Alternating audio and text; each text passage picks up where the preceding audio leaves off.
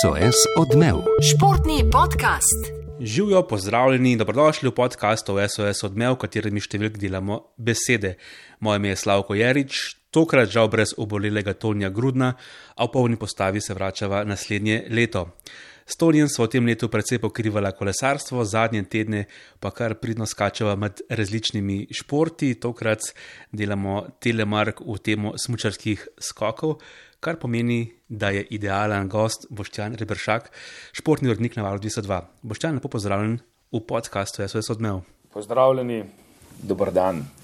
Boštjan, moramo priznati, seveda vsi vemo, da so trenutne razmere malce posebne, nenavadne zaradi pandemije, ki kroji predvsem naše življenje, tudi športna. Tudi zaradi tega smo v tem res nenavadnem položaju, da v razmiku pol leta približno uh, bomo videli priča dveh, dvema olimpijskima igrama. Igre. uh, je to zaradi tega tvoje delo še bolj, uh, kaj ne rečem, naporno oziroma zgoščeno, kot bi bilo sicer? Predvsem je povsem drugačno v smislu prilagajanja razmeram, bolj kot to, da bojo pol leta dvoje olimpijske igre. Pravzaprav je zgostitev programa športnega celotnega v letih 2021 in 2022 tisto, kar precej zaznamuje športno krajino in športne novinare nasploh. Zdaj, tekmovanja potekajo kljub precej zahtevnim razmeram ponekod po svetu in Evropi, eh, kar je dobro, da se šport ne ustavlja znova, eh, po drugi strani pa je prilagoditev temu primerno toliko več, tako da je pestro in zanimivo, bom rekel. Ja, igre v Tokiu so bile za slovenski šport zgodovinske, prvič tri zlate medalje. Eh, tudi poslušalci tega podcasta se te, mislim, da spomnijo kot precejšnjega optimista morda boš rekel zdravega optimista, uh, tudi zaradi recimo bogate bere v Obersdorfu v zadnjem svetovnem prvenstvu v nordijskem smočarju, morda pričakuješ tudi zaradi tega zelo uspešne slovenske igre v Pekingu. Pravzaprav ja, sem znam potem, da sem bolj optimist kot pesimist. Um, ja, sam pa menim, da je vseeno slovenski šport v tem času, zimski šport, dobil nov zagon, svež veter. Um, zdaj morda še čakamo na eno super zvezdnico, super zvezdnika. Zdaj iz preteklosti, ko so bile najuspešnejše igre v Soči, bila tudi Tina Maze. Um, tudi Petra Majdič v svojem obdobju z nekim takšnim statusom, ampak te nasledniki pa počasi tudi zdaj, in naslednice, seveda, da ne izpustimo, uh, deklet pa stopajo v te njihove čevlje in se mi zdi, da tako kot je bilo svetovno prvenstvo v Brzdorfu najuspešnejše, bi bile lahko tudi te igre izjemno uspešne. Eh, je pa ob tem potrebno podariti, da nekaj disciplin seveda eh, ne bo na olimpijskih igrah in da eh, je širina pa nabor na nordijskem svetovnem prvenstvu malce širši in omogoča posledično tudi več kolajn, še posebej zdaj govorimo o ženskih smučarskih skokih, kjer so punce zares odlično pripravljene ja, res odlično pripravljene in seveda ne smemo pozabiti, da potem na naslednjem ovinku, naslednje veliko tekmovanje, bo pa domače svetovno prvenstvo v planici, ker eh, se zdi, da bodo kar ti vrhunci si podajajo roke. Sploh, če govorimo o ženskih skokih, ne, ki so res trenutno krivulje zelo na visoki ravni. Ja, domače svetovno prvenstvo je eh, zanesljivo za vse skupaj izziv.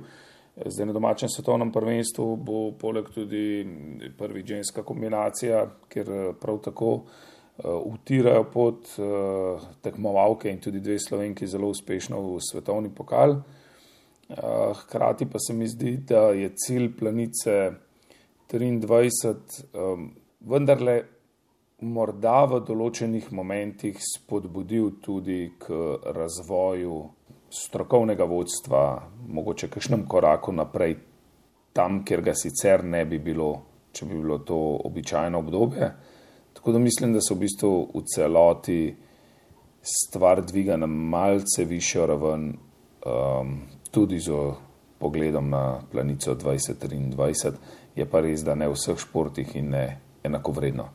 Ja, rekel sem, da bova največ govorila o smočarskih skokih. Zdaj, ko si zadnjič gostoval v tej oddaji, je bila tista nesrečna planica, pa spor, vemo, Timi Zajec, vodstvo skakalne reprezentance oziroma glavni takratni trener.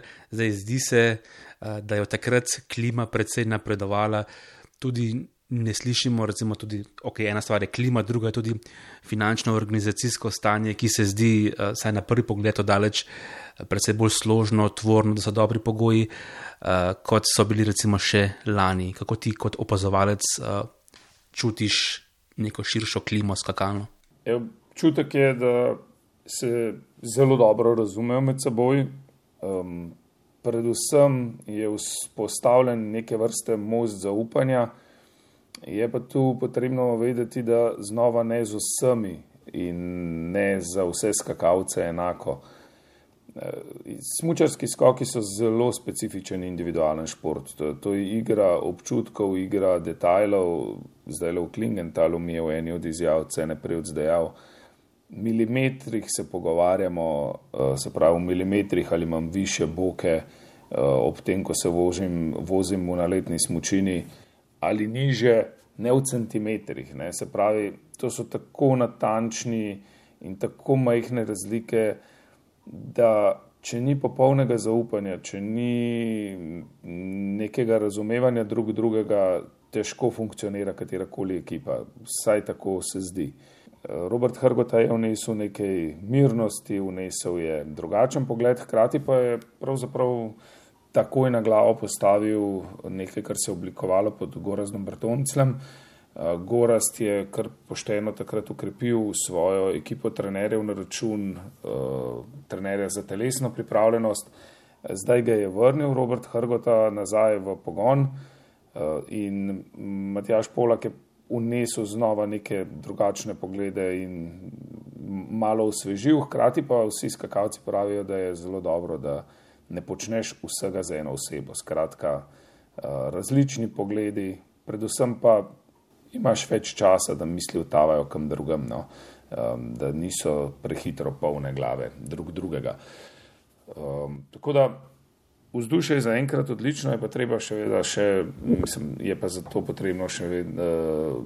Še vedno imeti v mislih, da je to začetek sezone in da se je začela ta sezona najbolje ali pa ena najboljših eh, začetkov za slovensko reprezentanco. In če si pa bodo sledili poizkusi, kot so bili tokrat v Klingentalu, ko je bilo skromno, rečem slabo, potem pa je ja, vprašanje, kako in na kakšen način bo to izgledalo od zunaj. Ja, ta neka optimiz, optimističen začetek je nedvomno bil, ne, sploh na prvih dveh postajah v Nižnem Tagilu in uh, Ruki, dve stopničke Laniška, takrat je bila Slovenija celo druga v pokalu narodov, pa še cene preomenjeni intimi zajec povratnik. Uh, sta bila v tistem trenutku v prvi deseterici svetovnega pokala.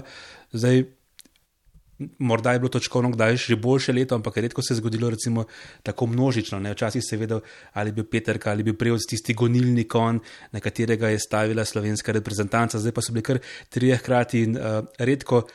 Lahko zagotovostjo veš, kateri slovenec bo najboljši na tej tekmi, in to je redko, to kaže na neko širino. Širina je, širina je tako ali tako v slovenskih smočarskih skokih veliko zaradi zelo dobre baze in podmladka. Eh, po drugi strani eh, morda tudi mene osebno preseneča eh, dozorevanje eh, ceneta prejevca v smislu, da je potreboval nekaj časa, da je prišel na raven, ko ni več brez glav, ko se umiri, ko ve, zakaj je na tekmah, kako pristopiti za konstantno skakanje v svetovnem pokalu. Tako da cene je za me absolutno najlepše presenečenje letošnje sezone. Tudi zato, ker um, ima svoj vrsten stil, ker, ima, um, ker je zanimiv sogovornik, ker je pač vse, kar si nek uh, vrhunski športnik oziroma tudi okolica od njega želi. Uh, po drugi strani je Želenišek začel na zelo visoki ravni, ampak to je bilo moč pričakovati. Um, Anže je imel fantastično lansko sezono, pa že predlansko, govorimo o njegovem razvoju. Sej to niso sezone, ki bi jih lahko primerjali z šampionskimi Petra Prevca, ampak so sezone, kjer je bil vedno narejen korak naprej. In ja, pričakovali smo tudi letos ta korak naprej in ga dobili pravzaprav na drugi postaji s prvo zmago Anžeta v karieri. In potem pa je sam dejal v Visli prejšnji teden, da se je vse zlomilo v enem skoku. Spravi v tistem drugem na moštveni tekmi, če ima v prvem res slabe razmere, v drugem pa, ko so šli tekmeci dlje, ko je imela Slovenija v rokah zmago, ko bi se stvari lahko povsem drugače zavrtele, v tistem enem skoku se je podarila ta samozavest in zdaj se znova vračava nazaj. K tem občutkom, v katerih vse čas govorijo skakalci, pa se nam zdi tako izrabljena fraza, ampak dejansko so to tako majhne stvari, da tudi če ne sam dovolj samozavestno pristopiš, če, če se nekje nekaj izgubi, uh, ja, potem težko najdeš zelo hitro nazaj. In ni to primer samo v slovenski reprezentanci, letos krasen primer Grane Ruda, uh, kadar je bil na tekmi v nezmagovalnem modru. Ne. Uh, včeraj oziroma v nedeljo je ostal na četrtem mestu, ampak to je njegova najslabša vrstitev, ko je bil vrščen. Dvakrat se ni kvalificiral in enkrat ostal brez točk v prvi seriji. Ne? To mu je preostanek njegove letošnje sezone. Skratka, roller coaster vrhunskih izidov in katastrof. Ne vem, uh, širina je, bo pa potrebno veliko delati na konstanti, pa predvsem um, razmišljati, kako ne samo rezultatsko, ampak skoki ohranjati priključek z najboljšimi. Rezultati niso vedno najpomembnejši. Če imaš smolo, če je neugoden veter, če se nekaj zalomi, je to povsem drugače, kot če se dejansko vidi v seriji skokov skozi treninge, kvalifikacije, tekme, da pač ne skačeš konkurenčno, pa pride rezultat, mogoče celo, se pravi, celo ujameš eno rezultat v deseterico, ampak še zmeraj veš, da skoki niso bili ta pravi. Ja, ti občutki so res famozni, ki, mi, ki se nismo nikoli spustili po skakalnici, to težko razumemo, ampak ja, uh, veliko skakalcev je to bolj ali manj res dobro razložilo. Zdaj, skoki so lep šport, po eni strani so morda. Uh, videti preveč enoznačni, ker velika večina tekem vendarle poteka na velikih napravah, po drugi strani pa so vendarle tudi ti profili nekoliko med seboj različni. Ne? Zanimivo je, ko se je bila zadnja tekma v Klingentalu, uh, je morda tudi profil skakalnice kriv, recimo, da neki ekipi bolj ne leži. Namreč res je občutno videti, uh, saj s prvima dvema postajama, nek padec slovenske reprezentance. Pravzaprav je zelo zanimiv že spet uh, pogled na to, ne, kako različni tekmi sta bili v Klingentalu. Uh, sobotna tekma je bila tista, po kateri smo ugotavljali, da res, res slovenski reprezentanci to ne paše, oziroma kaj se je izgubilo. Ponedeljski tekmi, ne zaradi drugačnih rezultatov, se sta zadovoljna zapustila Klingental, samo Lauro Kos, ki je še tretjič letos skočil točke in cene, ki je pač bil med deseterico.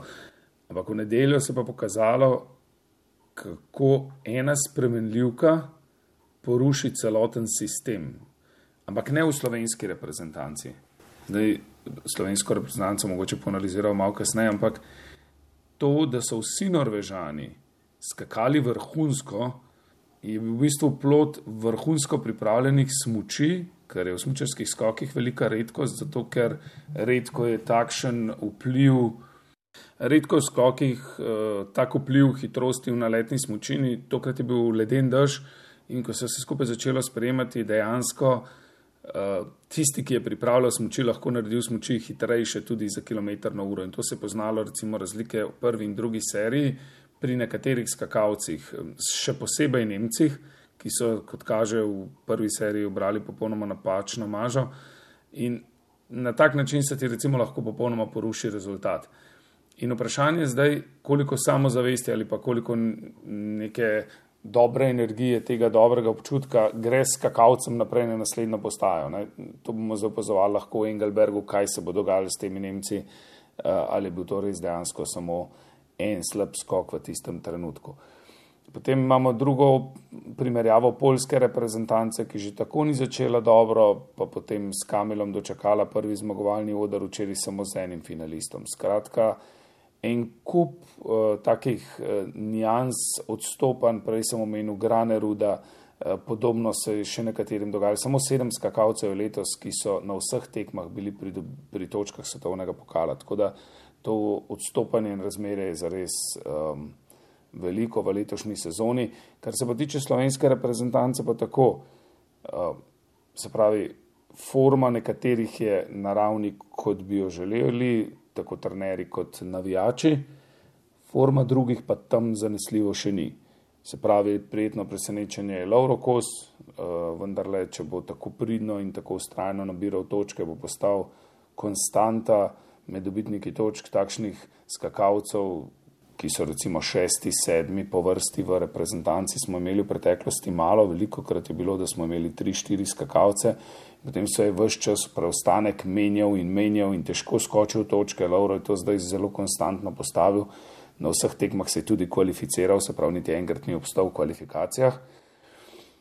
Potem je tudi cene, ki so že pokomentirali, da pač ima sezono, ki je za najboljša, Anže, ki ima formo, ampak ne vem, uh, kako bo pač ta moment prebrodil, v smislu mogoče, da zdaj ve, da sodi med najboljše, tudi zmagal je prvič, ampak ni pa lahko zmagovati. Uh, se pravi. Uh, zdaj ve, da lahko to, da zmore to, ampak ja, vprašanje je, kako bo pa to ponavljal in nadgrajeval.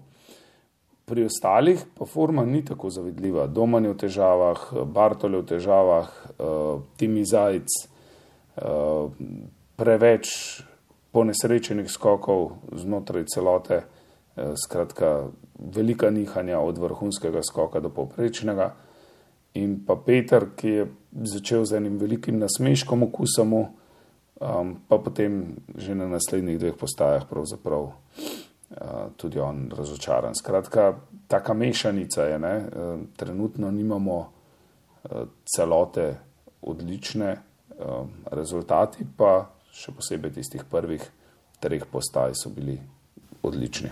Najbrž bi si tudi vodstvo si želelo, malce tudi, ko so preomenjali profile različne, da bi, bila, da bi lahko kaj povadali v Kranju, ne? pa so bile organizacijske težave. Ja, to je zanimiva zgodba, kateri sem govoril z obema trenerjema, tako že deklet kot eh, fantov. Mm, in oba, morda ne direktno, še bolj zgovorna kot za mikrofon. Um, ni, ja, ni, ni najbolj prijetno trenerju, eh, ki naj bi imel panožni športni center, pa preprosto ta ni pripravljen. Ampak sej eh, v Sloveniji smo znani improvizatori in zdaj bojo verjetno z neko improvizacijo to tudi rešili. Preprosto eh, mreže, ki zadržujejo sneg na skakalnici, bi morale biti nameščene pred prvim snegom in niso bile. Um, mislili so verjetno, da, tudi, da bo padavin manj in da bo sneg hitreje um, pošel, ampak zdaj, ko se je nagnetil v doskočišču, tudi vas, ki je bil seveda na doskočišču od mize na vzdolj, je zdrsnil v luknjo in potem je tam cela gmota snega, ki ga je treba odstraniti, ampak tega se ne da steptavcem zaradi tega, ker bi se uničila plastika, kar pomeni, da bo to potrebno odstraniti zdaj na roke oziroma počakati, da skupni in toliko časa pač skakalnica ne bo pripravljena. Tako da, ja, zanimiva situacija, kjer pač pri izbiri skakalnic eh, nekako iščejo trenerji tako različne profile, časa seveda, da bi se šlo v tujino ni. In po drugi strani planica, ki ima ena redkih stalnih prizorišč tekem za svetovni pokal, seveda z velikanko, ne s to srednjo skakalnico, ampak pa lahko rečemo eden najbolj sodobnih trenažnih centrov na svetu, pa je zares eden redkih, ki nima te sodobne smočine oziroma ohranja snežno smočino. Ta snežna smočina je specifična in dejansko samo mogoče na prstena roka so še skakalnice, ki takih smočin, eh, take smočine ohranjajo kar pomeni, da je znova um, drugače, ne, kot je potem na tekmah svetovnega pokala, saj na večini prizorišč. In to je tudi ena od stvari, ki v tem trenažnem procesu lahko recimo spremeni te detajle v občutkih, o katerih smo zdaj že tokrat rekli, ampak to dejansko se tako hitro lahko podere. Um, ne vem, mislim, da pa vseeno uh, smo, lahko smo lahko veseli, da imamo uh, takšno planico, kot je, pa ne na zadnje. Jaz mislim, da tudi razmere za trening ne smejo biti razlog za izgovor v, v tej fazi, uh, ko so fanti že na poti, ko so dokazano začeli super sezono in v bistvu samo dopolnjujejo s treningom, mogoče enkrat na teden svojo formo. Tako da mislim, da je treba razloge, ki je druge poiskati. Zdaj prihaja klasičen iztek leta v koledarju, kot si že sam omenil, Engelberg in potem seveda uh, novoletna turnaja oziroma turnaja štirih skakalnic. Uh, si optimist, kot si sam dejal, čeprav uh, moram poslušalcem povedati, da kar vidim tvoj resen obraz. Uh, Boštjan, kaj recimo realno pričakuješ na teh naslednjih šestih tekmah? Težko je karkoli reči. J jaz pričakujem, da bo na konstantni ravni, z morda še kančkom boljše forme, cene prevc, ki mislim, da se lahko bori za zelo visoka mesta. Tudi na turnaji, zaradi tega, ker preprosto um, je večinoma med najboljšimi in ni za zelo lepe rezultate, brez velikih odstopanj. Ta konstanta se mi zdi, da je na koncu na novoletni turnaji v tako izenačeni konkurenci lahko še bolj pomembna. Zdaj pri njem je lahko težava tudi to, da če pogledamo rezultate, ker je ne, ne na zadnje kar malce smešno. Uh, dejansko vsi njegovi boljši rezultati letošnje sezone so na nedeljskih tekmah. Spravi, tiste prve tekme na posameznem prizorišču so slabši del. Zdaj, štiri, novoletna turnaja so štiri različne skakalnice in posode same ena tekma, tako da ne bo tukaj kakšne, kakšne zmede. Uh, ampak um, Engelberg je pa tradicionalno zelo uspešno prizorišče za slovenske skakalce. Uh, ker vem, da se tudi sam rad igraš statistiko. Uh, zdaj Domen in Peter sta že zmagala v Engelbergu, ne? cene bi lahko bil pa mogoče prvič na zmagovalnem modru, če ne drugega.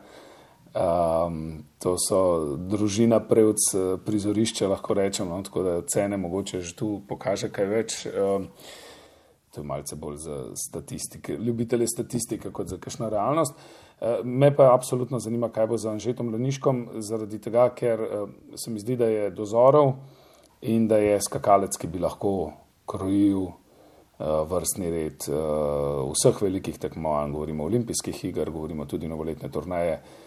In zdaj vprašanje je samo, ali je to tako, kot je bilo pri Grane Rudu, nek začasna zmeda, nekaj, kjer se človek zgubi za en vikend, slabši vikend uh, in potem gre vse nazaj na bolje. Ali pa je pač kaj bolj korenitega v tem primeru, pa potem uh, težko napovedujemo, kaj bo on že naredil s to novoletno turnajo. Tim Zajce je sploh zanimiv, uh, ker mu te skakalnice, čeprav so zelo različne, tudi ustrezajo, zna se motivirati, uh, je dokazano tekmovalec tudi za takšne stvari. Na zadnje se še spomnimo, ne, da je tudi novoletni turnaj bil povsem blizu zmagovalnega odra v skupnem seštevku. Uh, zdaj, Je pa vprašanje, ne, ali je dovolj konstante. Tako da, eh, če po črto potegnem, jaz mislim, da za zlatega orla se letos ne bomo borili. Um, bi se pa lahko mogoče za zmagovalni udar, pa za kakšne posamezne tudi zmage. Uh, zdaj pa, če bi se pa že prebudil, potem pa mogoče lahko tudi to slovensko presenečenje. Se mi pa zdi, da sta v tem trenutku Rjojo Kobajaši, uh, Karl Geiger, pa morda tudi, čeprav se šele znova prebuja Halvo Regner Graner, da so to mogoče tisti trije skakalci, ki vendarle za korak odstopajo od ostalih. Ja, zanimiv uh, statistični drobec ocene, to prijel si nadrobil, morda bo še toliko pomembnejše, vseeno na vsaki postaji so dva dni, ne? ta prvi dan bo pot, uh, zelo pomemben za treninge, kvalifikacije in uh, dvig forme. No, sam si dejal, kako je letošnja sezona tudi na mednarodni ravni, torej drugih tek, uh, reprezentanc, uh, nenavadna, koliko je mešanja oziroma premikanja. To je nenavadno, že da na prvih šestih tekmah smo videli šest različnih uh, zmagovalcev, kar tudi priča o res širokem vrhu. Ja, jaz mislim, da je posledica oziroma razlog za tako širok vrh tudi, da so marsikateri reprezentanci zelo načrtno tempirali formo za olimpijske igre, da skakalci marsikaj poizkušajo tudi v smislu opreme v tej fazi tekmovanj. Sprašujem se, Grane Rud dejansko v dveh vikendih zgubil formo ali je poizkusil nekaj novega, ali se je odločil za ne vem, neko stvar, ki mu bo kasneje morda koristila, ali pa je na treningih to preizkusil in mu je že delovalo na tekmah, pa ne. Um, mislim, da, da gre za veliko eksperimentov. No. Tudi Poljaki verjetno ne bodo imeli takšne sezone. Mislim, z enim finalistom, tako kot zdaj v Klingentalu, na zadnji tekmi, nedeljski tekmi, to je pač za njih uh, katastrofa. Uh, ne vem pa, kako se bo ta, ta stvar razpletala. In uh, to, da je toliko različnih zmagovalcev, Ja, zanesljivo bi imel še kakšno zmago več, Rjoju Kobajaši, ki je bil v karanteni zaradi pozitivnega testa, tudi tu je bila popolna zmešnjava. Namreč on je imel tri negativne teste, en pozitiven, že spet negativne, prebol, cepljen, skratka vse finske oblasti so ga zadržale, no kusa mu ni smel v Vislo, ja, kjer so mu celo odobrili nastop, ne glede na to situacijo, ker so polska zakonodaja drugačna od finske, ampak dejansko nismo zapustiti finske, tako da je popolna zmeda. Potem pa pri nekaterih drugih pa ogromna nihanja, ne tudi kraft, enkrat izjemno, drugič a, slabše, pa se je vrnil nazaj do zmage, ki jo je dolgo časa čakal. A, Pa podobno pri Norvežanih, vesel sem zelo, zelo za Tandeja. Ne? Eh, da je potem za res grozljivem pacu v planici eh, znova na zmagovalna modro. Ampak po drugi strani pa tudi pri njih ni nobene konstante. Tako da eh, jaz mislim, da se bo izluščilo skozi novoletno turnajo jedro skakalcev, ki bo na koncu kandidati za veliki kristalni globus, tudi za kolajne olimpijskih iger in uh, svetovno prvenstvo v poletih. Mislim, da je forma stampirana tako, da se bo zdaj začela počasi dvigovati, vse več bo bolj stabilnih skakalcev in tisti, ki bodo na novoletni turnaj počasi prišli v spredje, jaz mislim, da bodo tudi v celotni zimi poželi največ. Jo, en izmed uh, razlogov za zgostitev je najbrž tudi uh, matematična vedrna izravnava. Uh, danes zjutraj sem našel 12 let uh, staro tvoj razmislek ob začetku, ob uvedbi uh, tega matematičnega korektiva, zdaj to je res dolga doba. Eh, kako bi jo Boštjan ocenil, recimo po desetletju eh, veterna zravnava? Mene je veterna zravnava zelo modern in zelo učinkovit pristop k nadomestilu um, težav oziroma neenakovrednih razmer, ki jih imajo skakalci na skakalnici. Se pa pokazalo v času razvoja veterne izravnave, Um, da jo bo treba pač nadgraditi in nadgrajevati. Preprosto je to tako, tako kot je bila uh, takrat revolucionarna sprememba veterne izravnave in je prinesla to možnost uh, višanja, nižanja na leta, predvsem pa možnost elegantne izpeljave tekme. Uh, je zdajšnja veterna izravnava pomembna tudi zato, ker so skakalci tako neverjetno izenačeni. Se pravi, konkurenca je v primerjavi z desetletjem ali desetletjem in pol nazaj precej, precej širša. Skakalcev, ki lahko zmagajo na eni tekmi, je precej več, uh, kot jih je bilo, se mi zdi, takrat. Oziroma, bile so sezone, ko so prevladovali en posameznik in zares ekstremno prevladoval. Tokrat v teh zadnjih letih se pa to, se mi zdi, gosti veliko bolj, pa čeprav sta Grane Rud pa Kovajaši v zadnjem obdobju tudi imela takšni sezoni, ampak nasploh je konkurenca, se mi zdi, zares uh, zgoščena. Uh, In zdaj eh, skakalci že večkrat povejo, da vetrna izravnava pravzaprav nima čisto nič z njihovim občutkom v zraku. Razlog je pa to, da so te vetrne postaje postavljene ob skakalnici. In zdaj, če je skakalnica široka 20-30 metrov, ne, To pomeni, da na sredini skakalnice je lahko veter povsem drugačen. Sploh, če vidimo tiste puščice na kakšni televizijski grafiki, kako se vrtijo in spreminjajo. Vprašanje, katerem koridorju je letel skakalec in kaj je dejansko pobral. Tako da se že kar nekaj časa govori, da bi montirali na skakalne čevlje oziroma na vezi smoči um, senzorje, ki bi prebrali podatke ob tem, ko bi skakalec letel čez tiste. Eh, označene točke, skratka, da ne bi bilo to več merjenje pri kraju, na straneh ob skakalnici, ampak senzorsko prebrani podatki z skakalnih smoči. To je zdaj že spet ena ideja v novosti, ampak preden bodo to dokončali, preden bo to tako varno in zanesljivo, da bo lahko delovalo, ne, ker seveda samo enemu ne prebere ne, in se ti tekma lahko podre, ne, se pravi, te podatke preprosto potrebuješ, da nekaj zaključiš. Backup sistemi jih praktično ne mogoče imeti, tako da to tehnologijo bo treba verjetno razviti, bi pa absolutno ta tehnologija še bolj uh, enakovredno in bolj korektno obravnavala skakalce. Skratka, veterna izravnava je nepogrešljiv člen, če želiš izpeljati tekočo in lepo tekmo. V zdajšnjih časih so pa razlike med posameznimi skakalci postale tako majhne, da bi morala biti še bolj natančna. Ali pa ideja. Uh, dr. Andreja Stareta, da bi pač preprosto merili na centimetre smučarske skoke ali kaj podobnega. Sej tudi to je verjetno prevelik, eh, prevelika težava za merilce, ne, ki na pol metra zdaj odmerijo, ampak nekje bo potrebno najti še določene mehne razlike med skakalci, ker se te tako zelo manjšajo, da bo stvar uh, ja, bolj. Eh, še bolj zanimivo, no? da se bodo te razlike, ki so že tako drobne, še bolje bolj prezentno pokazale na rezultatih. Eh, spodobi se jim pravično, je, da nekaj besed nameniva še ženski reprezentanci. Sam si omenil, eh, da je res dobra, tudi številke tako kažejo. Ne? Kar tri so med najboljšimi sedmimi svetovnimi pokalu, še tri potem do 23. mesta.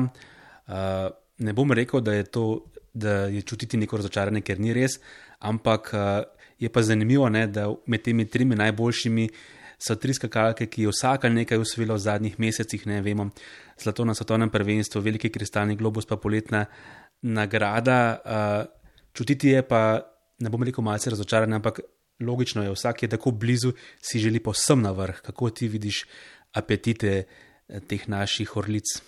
Ženska reprezentanca ima zares čvrste temelje že iz preteklosti, zato tudi takšna količina skakalk, eh, tako zgoščeno pri vrhu. Morda vsaj tako po mnenju stroke, bi lahko bila poleg te trojice v spredju med deseterico, morda ne takšna kandidatka za vrh, tudi sploh na večjih skakalnicah, jer ne Brecel, ki ima pač mm, potencial, da bi kaj takega storila, ampak ga ne izkoristi v polnosti. Medtem ko pri treh skakalkah, ki so v slovenski reprezentanci v deseterici, so vse zelo blizu, um, trenutno pa vsaj Marita Kramer zares odstopa. Če recimo Marita Kramer odstopa po metrih, prej sem govoril o neverjetni izenačenosti moških. Ne? Uh, neprimerno bi bilo recimo primerjati, ker vendarle so ženski skoki toliko mlajša disciplina in se razvija in zelo dobro in hitro se razvija. Všeč mi je, da je čim več tekem na velikih skakalnicah, pa čeprav so tam razlike večje. Ne? Ampak ravno te razlike, ne? Marita Kramer je sposobna odskočiti pet, včasih še več metrov. Um, to se redko zgodi, da bi eden, recimo na moški tekmi, tako zelo odskočil. Ja, se sem trtja, ampak tu se dogaja to recimo stalno. Uh, Medtem ko Katarina Althaus pa z izjemnim telemarkom in z izjemno izpeljavo skoka do konca, ne, pa odstopa v drugo smer. In zdaj Urša Bogataj, recimo, je vsaj na ravni te druge, tretje skakalke na vsaki tekmi. Če Marito Kramer samo toliko izpostavim, seveda bojo prišle tekme, kot tudi ona ne bo zmagala in naredila nekaj narobe, ampak trenutno je v taki formi, da se zdi, da je najboljša. Ampak potem pa vsaj Urša Bogataj povsem zraven. Eh, ja, jo pa pokoplje ta tehnična izvedba, se pravi, doskok, um, predvsem telemark. Uh, tu so recimo vsaj še skakavka dve pred njo in tam preprosto grejo tiste zelo dragocene točke po zlu, uh, ko bi bila zanesljivo še večkrat na višjih mestih ali pa na zmagovalnem modru tudi v letošnji sezoni. Uh, Nika letos še ni bila na zmagovalnem modru, vemo, da je dobitnica velikega kristalnega globusa, ne prehiteva, zdi se umirjena, išče še optimalno fizično pripravljenost, tu še ima prostor za napredek in jaz mislim, da Nika do olimpijskih iger bo prava, tudi ne na zadnje gre v to smer, da, je, da se rezultati boljšajo in uh, ona bo zanesljivo našla pot. Ima klinec, pa ja, je bila podobno kot fantje ne, na tem prizorišču, malo rahlih težavah zdaj, a je ni ustrezala skakalnica ali kaj drugega, to bodo pač znali zanalizirati. Je pa zanimiva ena stvar. Ne. Ko fantjem, kot fantu ne steče, ko so prej govorila o tem konkurenci, se pravi, ko se znajde v takšnih težavah, kot se je ima, ne, je primer Grane Ruda se ne kvalificira ali pa ne pride v finalno serijo. Ne. Uh, ima pa vseeno konča tekmo med deseterico ali pa recimo na 13. mestu, kot je ta prvo tekmo v soboto. To pa je še ta razlika, da so te punce, ki so v spredju, ki se borijo, tudi ta slovenska trojica, toliko boljše in toliko odstopajo od preostale konkurence, so kar po razredih razdeljene. Zdaj, ko sem omenil Marito Kramer, mene zelo asociativno spominja na Petra Prevca. Ne? Tudi Petr Prevc v tisti najboljši sezoni, tudi odstopil po več metrov, pa oba sta imela podobno predzgodbo sezono prej. Ne? Z malce po nesreči sta izgubila veliki kristalni globus, ne? se Marita Kramer je na tekmo dobila več točk, pa vemo, da jih je mogla ne? nekaj izpustiti, potem, uh, potem, ko bi morda pomislil, da bo marsikoga to potrlo, ne? pa je sledila res izrazita sezona. Dobro, letošnja se je komaj začela. Ne? Ja, Marita Kramer je zanesljivo skakalka, ki trenutno najbolj predrzno reže skozi zrak, pa še odličen odskok ima, um, najbolj spominja uh, na recimo tak ekstremen, zares predrzen skok. Uh, je pa dejstvo, da ma malenkosti, tako, tako majhne uh, stvari odločajo, da se sprašujem, Eh, katera od teh mlajših skakalk eh, se bo lažje pobrala skozi težave. To se mi zdi osebnostno dozorevanje, je tisto, kar je tudi zelo pomembno. Ne? Peter Prevc eh, si omenil, ni samo eno sezono potreboval, da je prišel do tega. Počasi je šlo, res korak za korakom, dvakrat je bil drugi v skupnem seštevku, pa še prej nekje. Ne? In to dozorevanje je tisto, ki je ključno, ko se znajdeš v težavah še enkrat, ne vem, če ni Marita morda v predobri formi, da bi se lahko znašla v takšnih težavah, da bi izpustila točkovno zalogo, ker sem že omenil, da so razlike mehne, oziroma velike med skakavkami in z slabšim skokom Marita še zmeraj ostane med deseterico.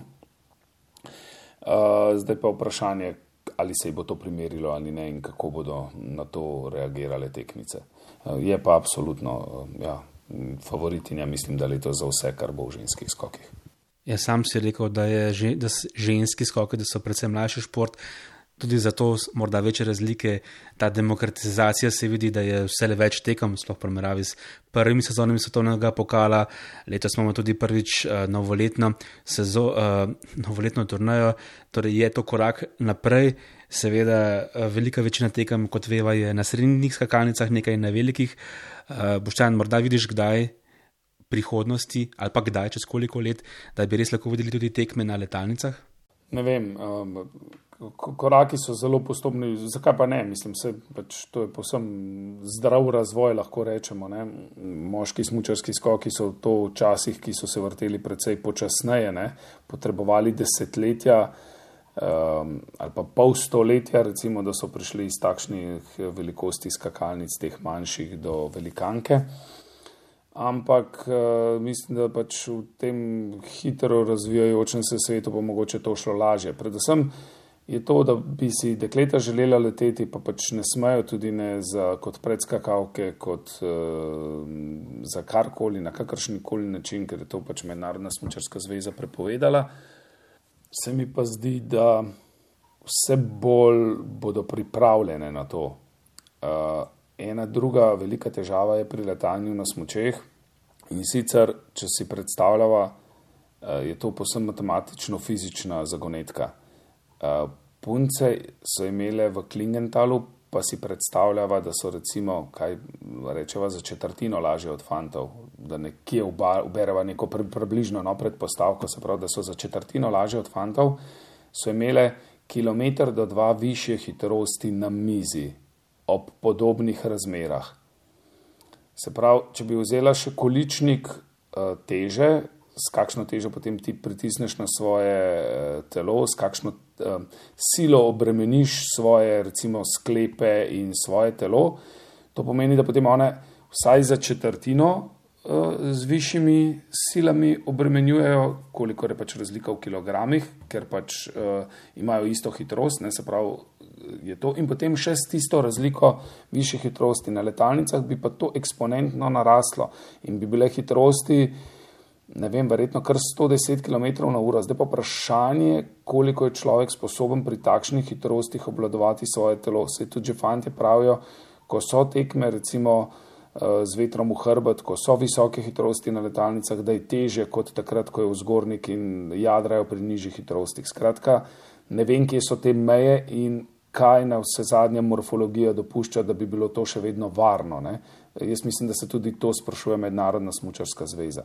Tako da gre bolj za, se mi zdi, matematično-fizičen odgovor kot uh, dejansko to, ali so punce sposobne leteti pogumne, so zanesljivo dovolj in ja, tudi uh, vse bi poletele in pristale, ampak koliko krat, da ne bi bilo poškodb in koliko je te konkurence, da bi bila tekma na koncu zanimiva, to je pa zdaj še pač drugi del, to je pa ta del razvoja. Ja, in uh, če imamo, ko se mi ni poškodbe, nič narobe, če je previdnost, če gre to postopoma in morda s tem tudi preprečijo kakšno poškodbo. Evo, preden končava, boš tam samo še veliko krat smo omenila primek Prevc in zdaj, če tale pogovor shraniva in uh, ga predvajava čez deset let, kakšen Nostradamus boš za četrtega predstavnika družine Prevc, Niko Prevc, uh, kakšno prihodnost si napoveduješ? Kar sem ujel, kar so povedali v bistvu trenerji, strokovnjaki, ki so z njo delali, da je ima neverjeten talent in da je preprosto še povsem neizbrušen diamant v smislu fizične pripravljenosti in uh, moči. Je tako krhko bitje trenutno. Uh, zdaj, če je sposobna to dvigniti na precej višjo raven, na podobno recimo kot eh, jo imajo Urša Bogataj, morda recimo najbolj tak tipičen primer slovenski reprezentanci. Eh, potem bi bila verjetno Nika zares nekaj izjemnega. Se pa pri njej dejansko to pozna, eh, ko so ravno pregovorila hitrosti, so nekaj niže, premalo, premalo ima hitrosti, da bi lahko recimo konkurenčno skakala na veliki skakalnici. In um, to je tisto, kar se recimo potem nabira skozi čas, odskok, moč, uh, vse to na malih skakalnicah je pa že konkurenčno in ja, ne bi bil presenečen, če bi tudi ona zmagovala. Ne. Zdaj se pri prejvcih imamo pa tudi uh, dovolj odtenkov, da se lahko odločimo, komu bo najbolj podobna. Ali bo recimo presenečala sem ter tja kot domen, ali bo konstantna kot Peter, ali bo pa pozno se razvila tako kot cene. Ne vem, bomo videli. ja, lepa misel za konec. Eh, eh, hvala, Boštjan. Eh, to je 70. epizoda. Si slučajno pripravil kakšno zanimivost o številki 70? Ja, številka 70, meni se zdi zanimivo, da najuspešnejše še vedno slovenske zimske olimpijske igre za smučarske skoke so tiste v Kalgariju. In takrat je bilo zadnjič na sporedu tekma na skakalnici z K točko, torej točko za prištevanje metrov 70, eh, kasneje so jo razvili na K90 in 120, eh, zdaj se te številke še nekoliko spremenile z velikostjo, ampak meni se zdi to zanimivo, eno, da je Kalgari takrat, ko so bili eh, slovenski skakalci najuspešnejši zadnjič tudi stekmo na K70. Super zanimivost in upam, da boš čez nekaj mesecev lahko uh, najuspešnejši besedo izbrisal, bodiva optimistična. Uh, na moje 70-ice je pa kar eh, skok v leto 70, tega žal nisem videl, ampak veliko krat na YouTubu. Vinko Bogataj in njegov uh, padec v Obersdorfu. Uh, to je bilo menda kar 28 let del ABC-ve športne špice ob pregledu dogajanja na svetu. No, pa še, da skočiva na poletne olimpijske igre, ne lokostrelstvo. Uh, razdalja med lokostrelci in tarčami je 70 metrov, in do zdaj so podelili na tanko 70 zlatih medalj.